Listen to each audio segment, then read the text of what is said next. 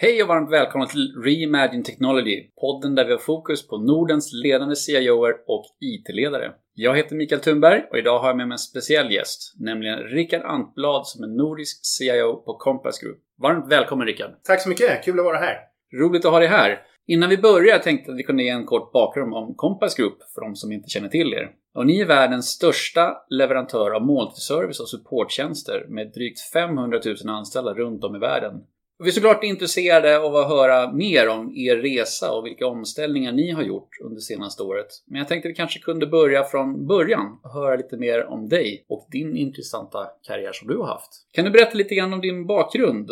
Jag gick industriell ekonomi på KTH. Det var en jättekul tid tyckte jag. Superroligt. Det var precis innan IT-bubblan sprack som jag eh, examinerades. examinerades. Det var ju spännande. Men fick ett jobb då med Procter Gamble i Genève. Så jag flyttade till Genève direkt efter studierna på KTH. Man kan säga att FMCG generellt har varit en väldigt stor del av min karriär. Men nu så har jag kommit in lite på ett nytt område, vilket är superspännande. Men jag har alltid befunnit mig kanske i gränslandet mellan det kommersiella och IT. Det är väl lite om min bakgrund kan man säga. Jag är gift och har två barn. Jag har häst, hund och motocross. Så det är lite mycket runt omkring eh, arbetslivet också. Men det är kul. Och sen vet jag att du tycker om eh, matlagning också. Vilket kanske är en fördel i din nya roll. Ja men definitivt. Det är ju en extra perk lite grann med, med det här jobbet kanske. Just att det passar så bra med mina, ett av mina stora fritidsintressen. Utöver det här, vad, kan du nämna någonting om lite grann om dina drivkrafter? Vad är det som får dig att, att skapa energi? Jag är en optimist. Beskrivs ofta som en optimist och väldigt positiv av mina kollegor och chefer. Det hjälper mig mycket i mitt jobb och den stora drivkraften är väl egentligen att göra någonting för verksamheten. Jag vill påverka verksamheten. Jag ser ofta möjligheter, kanske där andra ser problem eller inga möjligheter alls. Eh, och då handlar det väldigt mycket om att få andra med i båten om man säger så. Att försöka övertyga andra om att det här är rätt väg att gå framåt och det får jag oerhörd kraft ifrån när jag väl lyckas med det. Och i det så krävs det ett stort samarbete. Jag känner lite så här att funktioner i sig har spelat ut sin roll. Man säger oh, jag är finans och jag är IT och jag är marknad och sådär. Jag tror att det handlar mycket mer om samarbete och man behöver definitivt olika kunskaper och så. Men i grunden är det samarbetet som är det viktiga, att man jobbar mot ett gemensamt mål. Det är väl det som jag känner. När, man väl gör det, får med sig folk och genomför någonting, då får jag, det får jag otroligt mycket kraft av. Ja, det är spännande och just eh, som, som du säger, jag tror också nyckeln på framgång är att kunna måla ut de här gemensamma målen så man hittar en, en, gemensam drivkraft framåt. Du har ju jobbat på väldigt många intressanta och spännande företag under din karriär. Kan du nämna lite grann om, om dem och vad du haft för eh, karriärvägar där? Men det kan jag göra, definitivt. Jag gjorde mitt exjobb på Ericsson faktiskt. Jättebra företag. Och sen då som jag sa tidigare så precis när jag skulle utexamineras då var IT-bubblan så stor som det bara kunde bli. Så det fanns ju, de skrek efter resurser. Så det var inte så svårt att få jobb faktiskt när jag gick ut. Och fick man välja lite sådär mellan startup eller big corporate. Alla var ju superintresserade av startups förstås. Uff, man måste jobba på det nya coola och kontor eh, på Kungsgatan och schysst kaffebar och liksom lite så. Men eh, min pappa sa faktiskt till mig att nej, det är ingen bra start. Och då hade jag ett erbjudande från Procter Gamble också och eh, som råkade vara i Genève. Då sa han, nej men det är en mycket bättre bas för dig att stå på. Mycket bättre utbildning och så kan du söka dig någon annanstans senare. Så jag valde faktiskt Big Corporate från början och, och kom väl från Big Corporate och med Ericsson så jag hade ju lite erfarenhet av den här den stora duktiga företagen. Men flyttade då till Genève, till Procter Gamble jag blev kvar 12 år totalt med Procter faktiskt och ångrar inte en stund. Men som allt så var det dags att göra någonting annat. Först kan jag berätta kanske att vi var i Genève. Min fru och jag var i Genève. Hon jobbade också för Procter Gamble. Vi kände varandra innan Procter faktiskt. Vi fick båda jobb i Genève så det var lite kul. Men i alla fall, vi hade, och jag kommer ihåg det så väl, vi kallade det för Expert for Life diskussionen. För då hade vi varit i Genève ett antal år och så tänkte vi okej, okay, nu ska vi flytta till Caracas eller Singapore eller Cincinnati. Det var lite den diskussionen, helt på fullt allvar, som vi hade. Eller ska vi flytta hem igen? Och då gjorde vi ett viktigt beslut för oss. Vi flyttade hem, så vi flyttade hem till Stockholm. Och det är, det är ett stort karriärsval faktiskt. Eh, att inte gå vidare i Procter egentligen. Jag, jag blev kvar sju år till i Procter och jobbade i regionala och globala roller fortfarande från Stockholm. Men sen var det, kom jag till en punkt där jag var tvungen att flytta för att gå vidare i karriären. Det var då jag lämnade Procter. Men det var ett val för oss att nej, Stockholm är hemma. Så vi bestämde oss, nej, det blir inte Expert for Life. Och sen efter Procter så tänkte jag gå in lite på interimsbanan. Jag tyckte det var kul att göra snabba saker och bedriva förändring och så. Och fick ett interimsuppdrag men eh, det passade inte riktigt med om jag ska vara ärlig. Så då hoppade jag tillbaka på Big Corporate igen. Och det är väl det som har varit den röda tråden. Och då, jag letade egentligen, jag ville ha en starkare förankring till Stockholm och Sverige eller Norden. Och lyckades väl inte riktigt hitta något som passade faktiskt. Då dök det upp en möjlighet igen. En global roll på Bacardi. Jobba med Product Lifecycle Management, bygga upp det inom Bacardi hoppade jag på det igen. Baserad i Stockholm men en global roll. Mycket resor till Genève också för Bacardi sitter i Genève de också. Så att, eh, så okej, okay, jättebra. Jag gjorde det uppdraget, införde PLM på Bacardi. Sen när det var klart så hade jag levererat det jag skulle. Så då lämnade jag Bacardi på ett jättepositivt sätt. Och tänkte väl okej, okay, men nu ska jag köra något nytt och drog igång en startup som gick sådär och det var inte på grund av oss riktigt faktiskt utan snarare det var The Jobs Act i USA som Barack Obama skulle driva igenom som skulle möjliggöra investeringar i, för privatpersoner i småföretag, startups och sånt. Och den eh, Jobs Act, delar av den gick igenom men just den delen gick inte igenom kongressen. Och då föll hela vår affärsmodell. Men sen drog jag igång lite inom resor, privatjet och lite andra saker och så. Men sen kände jag väl att okej, okay, det här går inte tillräckligt bra. Och så dök det upp en Big Corporate-grej igen. och då var det Mondelez som är, äger Marabou till exempel. Världens största konfektionsbolag eh, som jag började jobba för. Och då började jag jobba i en marketingroll. En global roll igen för att förbättra, förändra hur man gör marknadsföring. Superspännande, jättekul. Igen ett enormt företag, stora starka varumärken. Och när jag hade varit där i, jag hade faktiskt inte riktigt varit där ett år, så fick jag ett telefonsamtal om mitt nuvarande jobb. Så det här var i början av juni 2019. Då hade det gått ut en pressrelease att eh, Compass Group skulle köpa Fazer Food Services i Norden. Och då fick jag frågan om jag var intresserad av att bli CIO för Compass Group. Och först var jag faktiskt inte, jag höll på att tacka nej faktiskt. Eller tackade nog till och med nej. Så, nej, jag har varit här så kort tid. Och, och, liksom, och då var det lite ett vägval där mellan marketing och kanske IT. Och när jag tänkte på det här så bara, nej men jag, jag måste ge det en chans i alla fall. Så gick jag igenom intervjuprocesserna, verkade superspännande och då bestämde jag mig, nej, jag ska hoppa på det här. Och det var lite det också jag kände när jag träffade människorna från Compass Group så de var alla väldigt positiva och kändes som väldigt duktiga människor, duktigt folk. Nu får jag också det här otroligt viktiga att arbeta där jag bor som jag aldrig har gjort 20 år långa, 21 år långa karriär.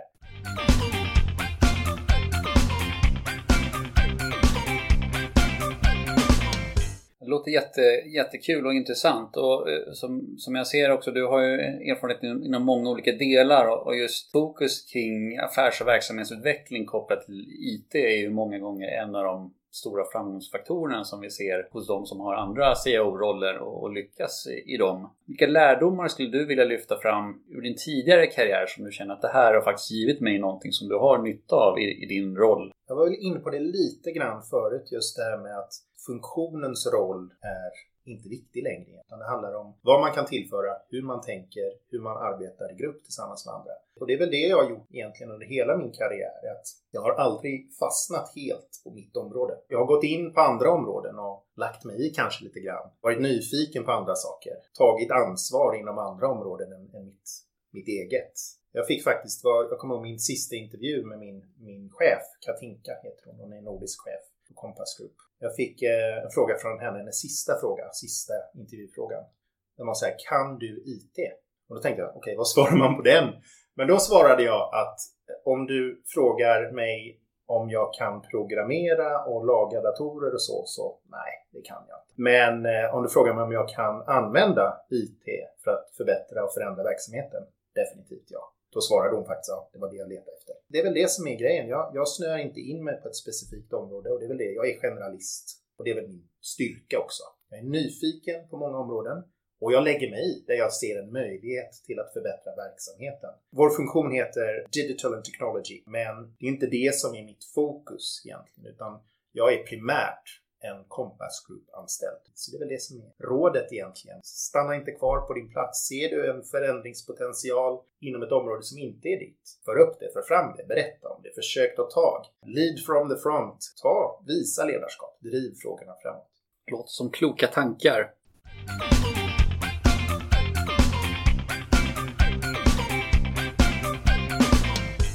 Om vi kommer tillbaks till Compass Group nu när du eh, började där i oktober eh, 2019 och ingen har hört talas om covid. Dessutom gjorde ni ett större uppköp av eh, Fazer Food Services. Hur kändes det? Jag kan väl börja lite med att säga, du sa lite om Compass Group tidigare. Vi, är, vi finns i 45 länder. Vi är störst i världen på just food services. Vi arbetar i fem olika sektorer som är business and industry, Healthcare and Seniors, utbildning, Sports and Leisure. Vi kör till exempel Tele2 Arena, matservering och sånt där. Och sen har vi Defense, Offshore and Remote. Så vi har oljeriggar ute i Nordsjön som vi sköter service och framförallt mat men även annan service. Så vi, vi är ganska, ganska breda som företag egentligen. Och eh, när jag började, som du sa, det var ingen som hade hört om covid, i alla fall inte här, eller corona. Så det var ju glada dagar. Jag började 14 oktober. Tanken var att uppköpet av Fazer Food Services skulle gå igenom 1 november. Det var det vi trodde. Då skulle EU-kommissionen säga ja, nu kör vi. Så jag hade två veckor på mig att förbereda mig. Men sen fick vi inget ja. Utan det kom först 31 januari. Och det blev ganska optimalt för mig egentligen. Då, då fick jag 100 dagar på mig ungefär att göra mig redo faktiskt. Att knoppa av den här businessen från Fazer. Sätta mig in i teamet, förstå organisationen, förstå verksamheten. Så det var väl en stor fördel. Och det var fortfarande innan covid. Så det var ju fantastiskt. Allting såg ljust ut och vi, i och med uppköpet av Fazer Food Services så blir vi absolut störst på marknaden i Norden. Så vi finns på 1700 platser, 13 000 anställda, en omsättning på ungefär 10 miljarder svenska. Och, eh, så det är ett stort företag och nu, och det jag kom in till då var ju en, en just utmaningen. Hur ska vi få ihop det här? Hur är tanken? Och jag är definitivt inte ensam. Utan det var det som jag hade tid att sätta mig in i. Vilka? Hur ser organisationen ut? Vem är vem? Hur ska vi jobba tillsammans? Hur ska vi göra detta? Och eh, fantastiska personer i mitt team som har, som har gjort det möjligt det vi har gjort. Men då kom ju eh, egentligen, ja, det blev 3 februari var väl en, en måndag.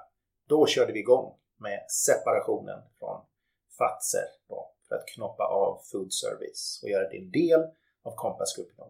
Det var kul. Det var feststämning faktiskt på kontoret när det skedde. Det var jätteroligt. Och just sen kom ju covid som blev en enorm omställning för hela världen kan man väl då ganska minst sagt säga. Hur påverkade det er på en gång? Det måste blivit otroligt påtagligt för ert företag och er bransch i stort såklart. Vad, vad, vad hände där? Jag kan väl börja lite, om jag börjar på lite mikroskala och sen går upp till makro så för oss, vi hade ju förberett oss hela våren. Vi skulle ha workshops och vi skulle ha liksom vi skulle planera och träffas. Och för, för en stor sak med de här hundra dagarna kan jag säga igen var att vi, fick ju, vi hade ingen möjlighet att egentligen prata om detaljer. För vi var ju konkurrenter. Och innan EU-kommissionen har sagt ja så får vi inte ens prata med varandra. Eller vi får prata med varandra under strukturerade former med klara och tydliga agendor och, och som är kollade av eh, advokater och sånt. Så att det var ju en stor utmaning. Så i och med att det här beskedet kom från EU-kommissionen så fick vi möjlighet att prata med varandra och träffas. Så vi hade ju planerat hela våren med workshops och vi skulle ha allt möjligt. Och sen kom covid. Pang! I princip direkt efter.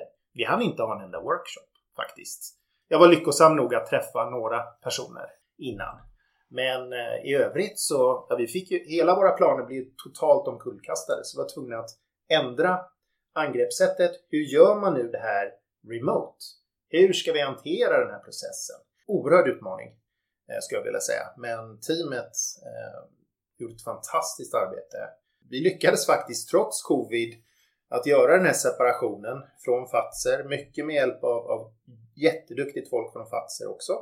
Vi jobbade verkligen tillsammans eh, och lyckades separera från Fazer fem månader tidigt. Vi skulle egentligen vara klara sista maj nu, men blev klara på nyårsafton. Så det var fantastiskt bra arbete. Så vi lyckades ändå få ihop alla resurser för att genomföra det här, den här separationen, vilket var ett fantastiskt jobb, måste jag säga. Och sen då det man kan säga, och det kanske var lite det som gav oss möjlighet att göra det, för att vi var tvungna. För när covid kom, då störtdök vår omsättning. Globalt, i Norden, i Sverige, i Norge, överallt den gick genom golvet. Så vi hade väl som mest förra våren globalt så var vi, hade vi en minskning av, av omsättningen på 44% Och vi satt ju kvar med alla kostnader och sånt.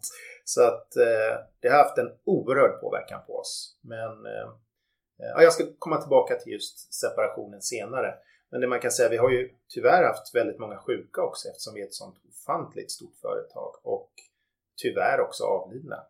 Och det är ju, det är ju hemskt. Eh, så att vi har, vi har fokuserat jättemycket på hälsa, säkerhet, hur vi organiserar våra restauranger för att många restauranger har ju fortfarande varit öppna. Särskilt i, i eh, alltså industridelen och healthcare och de sektorerna. Offshore, det pumpas fortfarande olja i Nordsjön. Men just säkerheten är oerhört viktig för Compass Group, så det har vi fokuserat jättemycket på. Sen gå tillbaka till vår mikronivå igen här eh, med separationen och så. Jag tror att när allting, alltså pluggen drogs ur i botten på något sätt, eh, omsättningen, det bara rasade allting. Jag tror att det gav oss eh, kanske energi att göra det här arbetet för att vi tror att det finns stora synergier genom att knyta ihop företagen, optimera, inte ha dubbla system för olika saker eller trippla eller för många system helt enkelt. Det gav väl också oss mycket kraft att göra det här. Just våra anställda, både inom min funktion, de som jobbar inom separationen och så, men även ute i driften. De gjorde ett fantastiskt arbete under covid. Har gjort det under hela perioden och kanske framför allt i början när vi såg det här hända. Vi fick ställa om allting, men lyckades ställa om. Och eh, just nya förhållningssätt inom restaurangerna, hur man hanterar det. Nu har vi inte haft så jättemycket i Sverige. Det är mest separation av bord och sådana här saker och, och så. Men i, i, vissa marknader så har det varit helt otroligt. Och det har till och med varit lockdown i många av våra marknader. Vilket gör det extremt komplext. Ehm, och det kan vara från en vecka till en annan. Vi har ganska många skolor i Sverige. Och från, det kunde ju vara så att på, på lördagen så kom det via Skolsoft eller vilken vilken applösning föräldrarna har så kom det ja, skolan är stängd på måndag och hela veckan. Och då måste ju vi anpassa oss som företag också. Då ska vi helt plötsligt inte leverera mat nästa vecka. Så det är mycket så här fram och tillbaka och ja, komplext. Men vi, vi har verkligen gjort det här eh, och har väl anpassat vår verksamhet till den nya verkligheten egentligen. Och vi har optimerat vårt sätt att arbeta, hur vi tar fram våra produkter, hur vi säljer och den digitala agendan har verkligen fått en skjuts i det här. Att använda dig digitala för att nå ut på ett annat sätt. Och vi har nu från nattmörkret som var kanske förra våren så har vi nu jobbat oss upp igen så att nu eh, sista kvartalet som vi just rapporterade för någon vecka sedan då ligger vi på en rörelsemarginal på 4,2 procent. Så nu tjänar vi faktiskt pengar igen, vilket är ett fantastiskt arbete som vi har gjort gemensamt i hela företaget.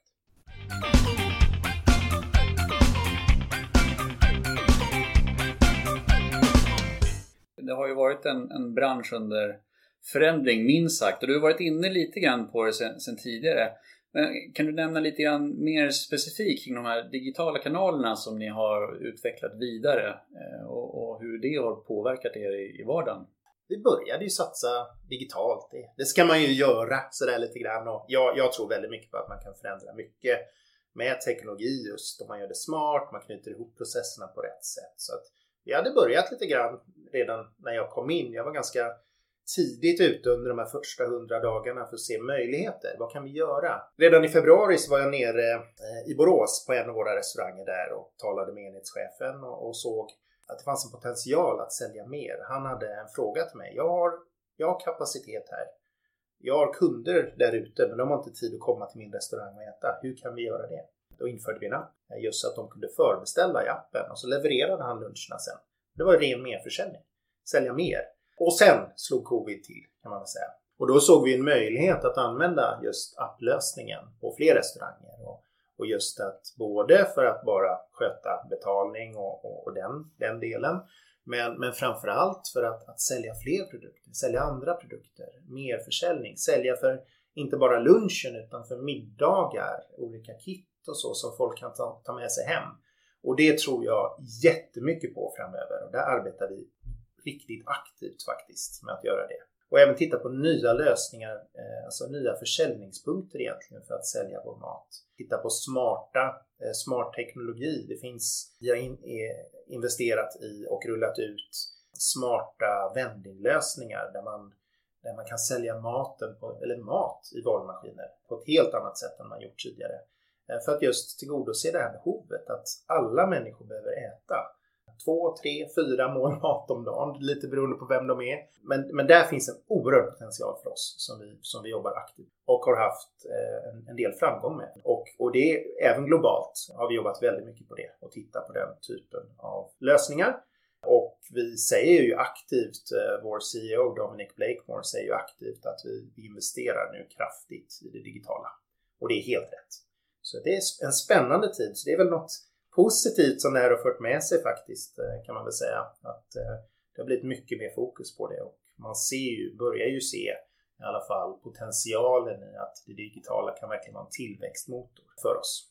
Och ni har ju lyckats med en hel del saker under den här omställningen. Vilka faktorer tror du i dina ögon har varit några av de här kritiska framgångsfaktorerna som gjort att ni faktiskt har lyckats trots alla de här svårigheterna som ni ändå har råkat ut för?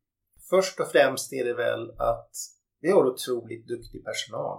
Eh, engagerad personal. Från eh, restaurangerna upp till eh, enhetschefer och på kontor och säljare. Alla är otroligt drivna skulle jag vilja säga i företaget i stort. Och det är någonting som varit otroligt positivt för mig under det här, vad är det, ett och ett halvt, snart två åren som jag har varit här. Och det tror jag är, är egentligen grunden till det. Man har haft, jag har väl sett i och för sig, det kanske är det som jag sa, att pluggen drogs ut på något sätt och vi var tvungna att kämpa för vår överlevnad. Och alla har verkligen gjort sitt bästa. Och vårt fokus är ju mat. Eh, och är väldigt duktiga på att använda vår skala för inköp. Att använda vår skala att göra förändringar inom processer och kostnadsförbättringar egentligen. Eller effektiviseringar ska jag säga. Som gör det möjligt för oss egentligen att, att erbjuda produkter till marknaden. Anpassa våra produkter kanske till marknaden på ett bra sätt och vara mer konkurrenskraftiga kanske än, än våra konkurrenter. Vi är väldigt duktiga på just att, att, att paketera olika tjänster, skräddarsydda tjänster för kunden. Där vi använder vår skala och vår erfarenhet inom processer och, och förbättringar inom det för att erbjuda någonting bättre helt enkelt. Och det, det har vi sett också nu i covid att det, det, är fler som, som vänder sig till oss nu än tidigare och det är väl just den här stabiliteten vi har den förmågan vi har visat att faktiskt överleva den här nattsvarta krisen. Ett företag, vi omsatte 25 miljarder pund ungefär eh, innan covid. Och då när i ett kvartal när det faller ner 44 procent, liksom, då, då är det tufft. Då, och det finns nog många företag som inte skulle överleva en sån smäll faktiskt. Men, eh, men vi har gjort det och nu så går det verkligen. Nu är vi helt färdiga eller redo ska jag säga, eh, för framtiden och har mycket bättre processer, fler tekniska lösningar, det digitala som vi pratade om för att ta oss an marknaden. Och nu efter, eh, vi är väl övertygade egentligen att när vaccinationsprogrammen har rullats ut att det kommer, då står vi redo, då kommer det gå fort. Då kommer tillväxten att komma rejält.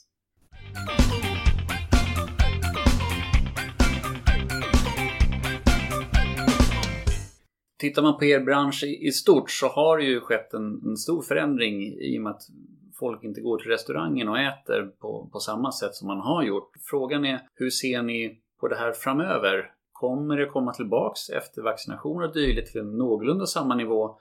Eller hur har ni resonerat på en, på en större nivå? Kommer en större del av er verksamhet att vara med kring takeaway, de här tilläggstjänsterna som ligger utanför era traditionella restauranger? Det är en väldigt, väldigt svår fråga att svara på och det finns många som tror på olika sätt kan man väl säga.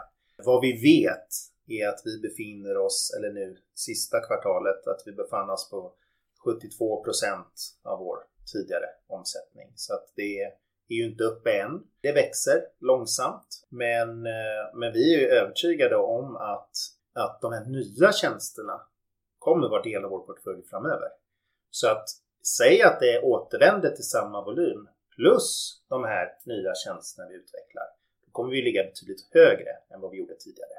Men, men jag, jag är väl av den meningen att nu, nu, är, nu är världen förändrad. Det kommer aldrig bli likadant som det var förut.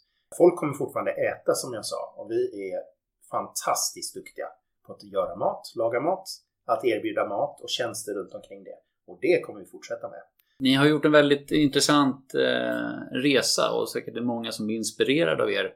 Hur skulle du beskriva Compass Group som arbetsgivare? Jag tycker att, att det senaste året egentligen är, är väl bevis på att, att vi har lyckats att vara en bra arbetsgivare. att vår personal har lyckats göra den ofantliga omställning som, som har krävts.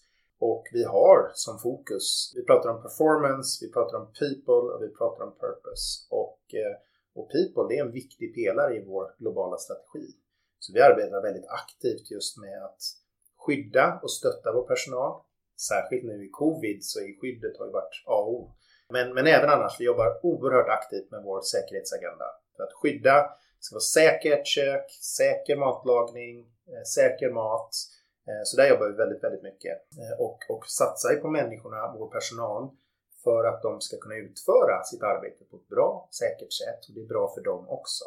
Sen har vi en väldigt stark mångfaldsagenda eh, som vi arbetar aktivt med. Och inte bara i ledningsgrupper, där jobbar vi aktivt. Vi vill höja antalet eh, kvinnor framför allt med i ledningsgrupperna. Men vi jobbar även väldigt mycket ute i verksamheten på våra restauranger för att öka, ha kulturell eh, mångfald, att öka den mångfald som vi har i företaget och jobbar oerhört aktivt med det här.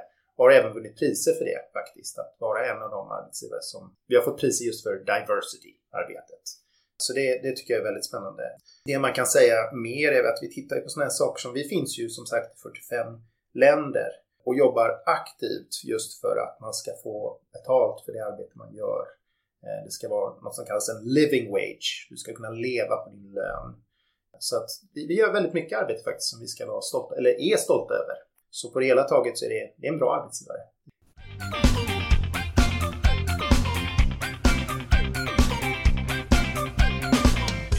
Du nämnde tidigare er app som ni använder väldigt framgångsrikt. Har du några andra exempel på hur du ser den här digitala omställningen och hur den påverkar er i er vardag? Ja, jag tror väl att, att i och med pandemin, lite, det sa jag i och för sig tidigare, men, men digitala, det digitala har blivit ett mycket större fokus för oss i hela företaget. Och, och det är inte bara appar. Eh, jag nämnde ju micromarkets och smarta varumaskiner tidigare. Det är också en annan del. Man använder digital eh, man är egentligen masterdata i grunden är det ju bakom och, system som ligger bakom kulisserna eh, för att bättre kanske förstå vad vi säljer och, just den här analysen är väl ett viktigt område för oss eh, framöver, än mer än vad det har varit tidigare just för att knyta ihop data från de olika kanalerna, se vad det är som säljer, hur mycket säljer vi för? Säljer vi mer i en kanal per transaktion än på en annan? Eh, så det, det, är väl ett stort jobb egentligen för oss och där vi aktivt driver eh, mycket nu. Men, men, men också att den digitala, jag tror att man har sett IT lite grann tidigare som, ja, som det gamla vanliga. Det är datorer, det är lite lösningar där. Nu har man en idé, nu ska vi göra något och så har man gjort det en punktinsats. Så det har man gjort bra. Men nu tittar man på det digitala som en, en strategiskt viktig pelare i arbetet. Och då dyker det upp lite överallt. Om man tittar, då, då, då, tar, då är det många som är villiga att ta ett steg bakåt och titta på hela situationen. Komma bort från de här punktinsatserna. Göra någonting strategiskt. Som appen som vi har, det är en appplattform för Norden. Vi har även lanserat en, eh, jag pratade ju om personalen tidigare, vi har en Employee Engagement eh, eh, app också för internt bruk. Där samtliga, i princip samt, den är frivillig att ladda ner. Men i princip hela vår personal i Norden har laddat ner den. Och det är, det är en kanal där vi kan, eh, det kommer ut nyheter. Det finns en social vägg där folk lägger ut fantastiska bilder på maten de har lagat idag. Och folk går in och röstar och ger tumme upp och kommentarer och sådär. Det, det är någonting som verkligen blir drivande i vår kultur. Det är en ganska enkel grej egentligen. Det är en app på folks telefon. Men det har verkligen blivit en, en nästan som en sammansvetsning av hela personalen. För vi är utspridda. 1700 enheter. Det är stora geografiska områden. Men där, där har man ett sammanhang på något sätt. Så att det digitala har en mycket viktigare strategisk roll för oss nu än vad det haft tidigare. Och jag tror ju att, och det driver vi väldigt aktivt nu, att, nu att just knyta ihop data från olika, olika delar av verksamheten för att bättre förstå vår verksamhet. Så just kunna göra bättre analys, få bättre insikter utifrån vår verksamhet. Så att, nej, otroligt spännande resa. Och, eh, nej, och vi har börjat resan, kommer fortsätta och gör stora framsteg utifrån ditt perspektiv, har du några tips och idéer som du skulle vilja dela med dig av till andra CIOer och IT-ledare? Just kanske lite mer hur man ska kunna identifiera nya möjligheter och, och utveckla det, det, bolag som man, som man hjälper att bygga. Jag tror ju, jag pratade om samarbete tidigare.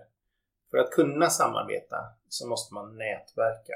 Så den första, de första hundra dagarna, så mitt jobb, om man säger så, så försökte jag träffa så många som möjligt. Och inte bara i min funktion eller min chef och så, utan jag försökte träffa så många människor som möjligt. Jag var även ute på ett antal restauranger, gjorde besök för att lära känna verksamheten och framförallt lära känna människor.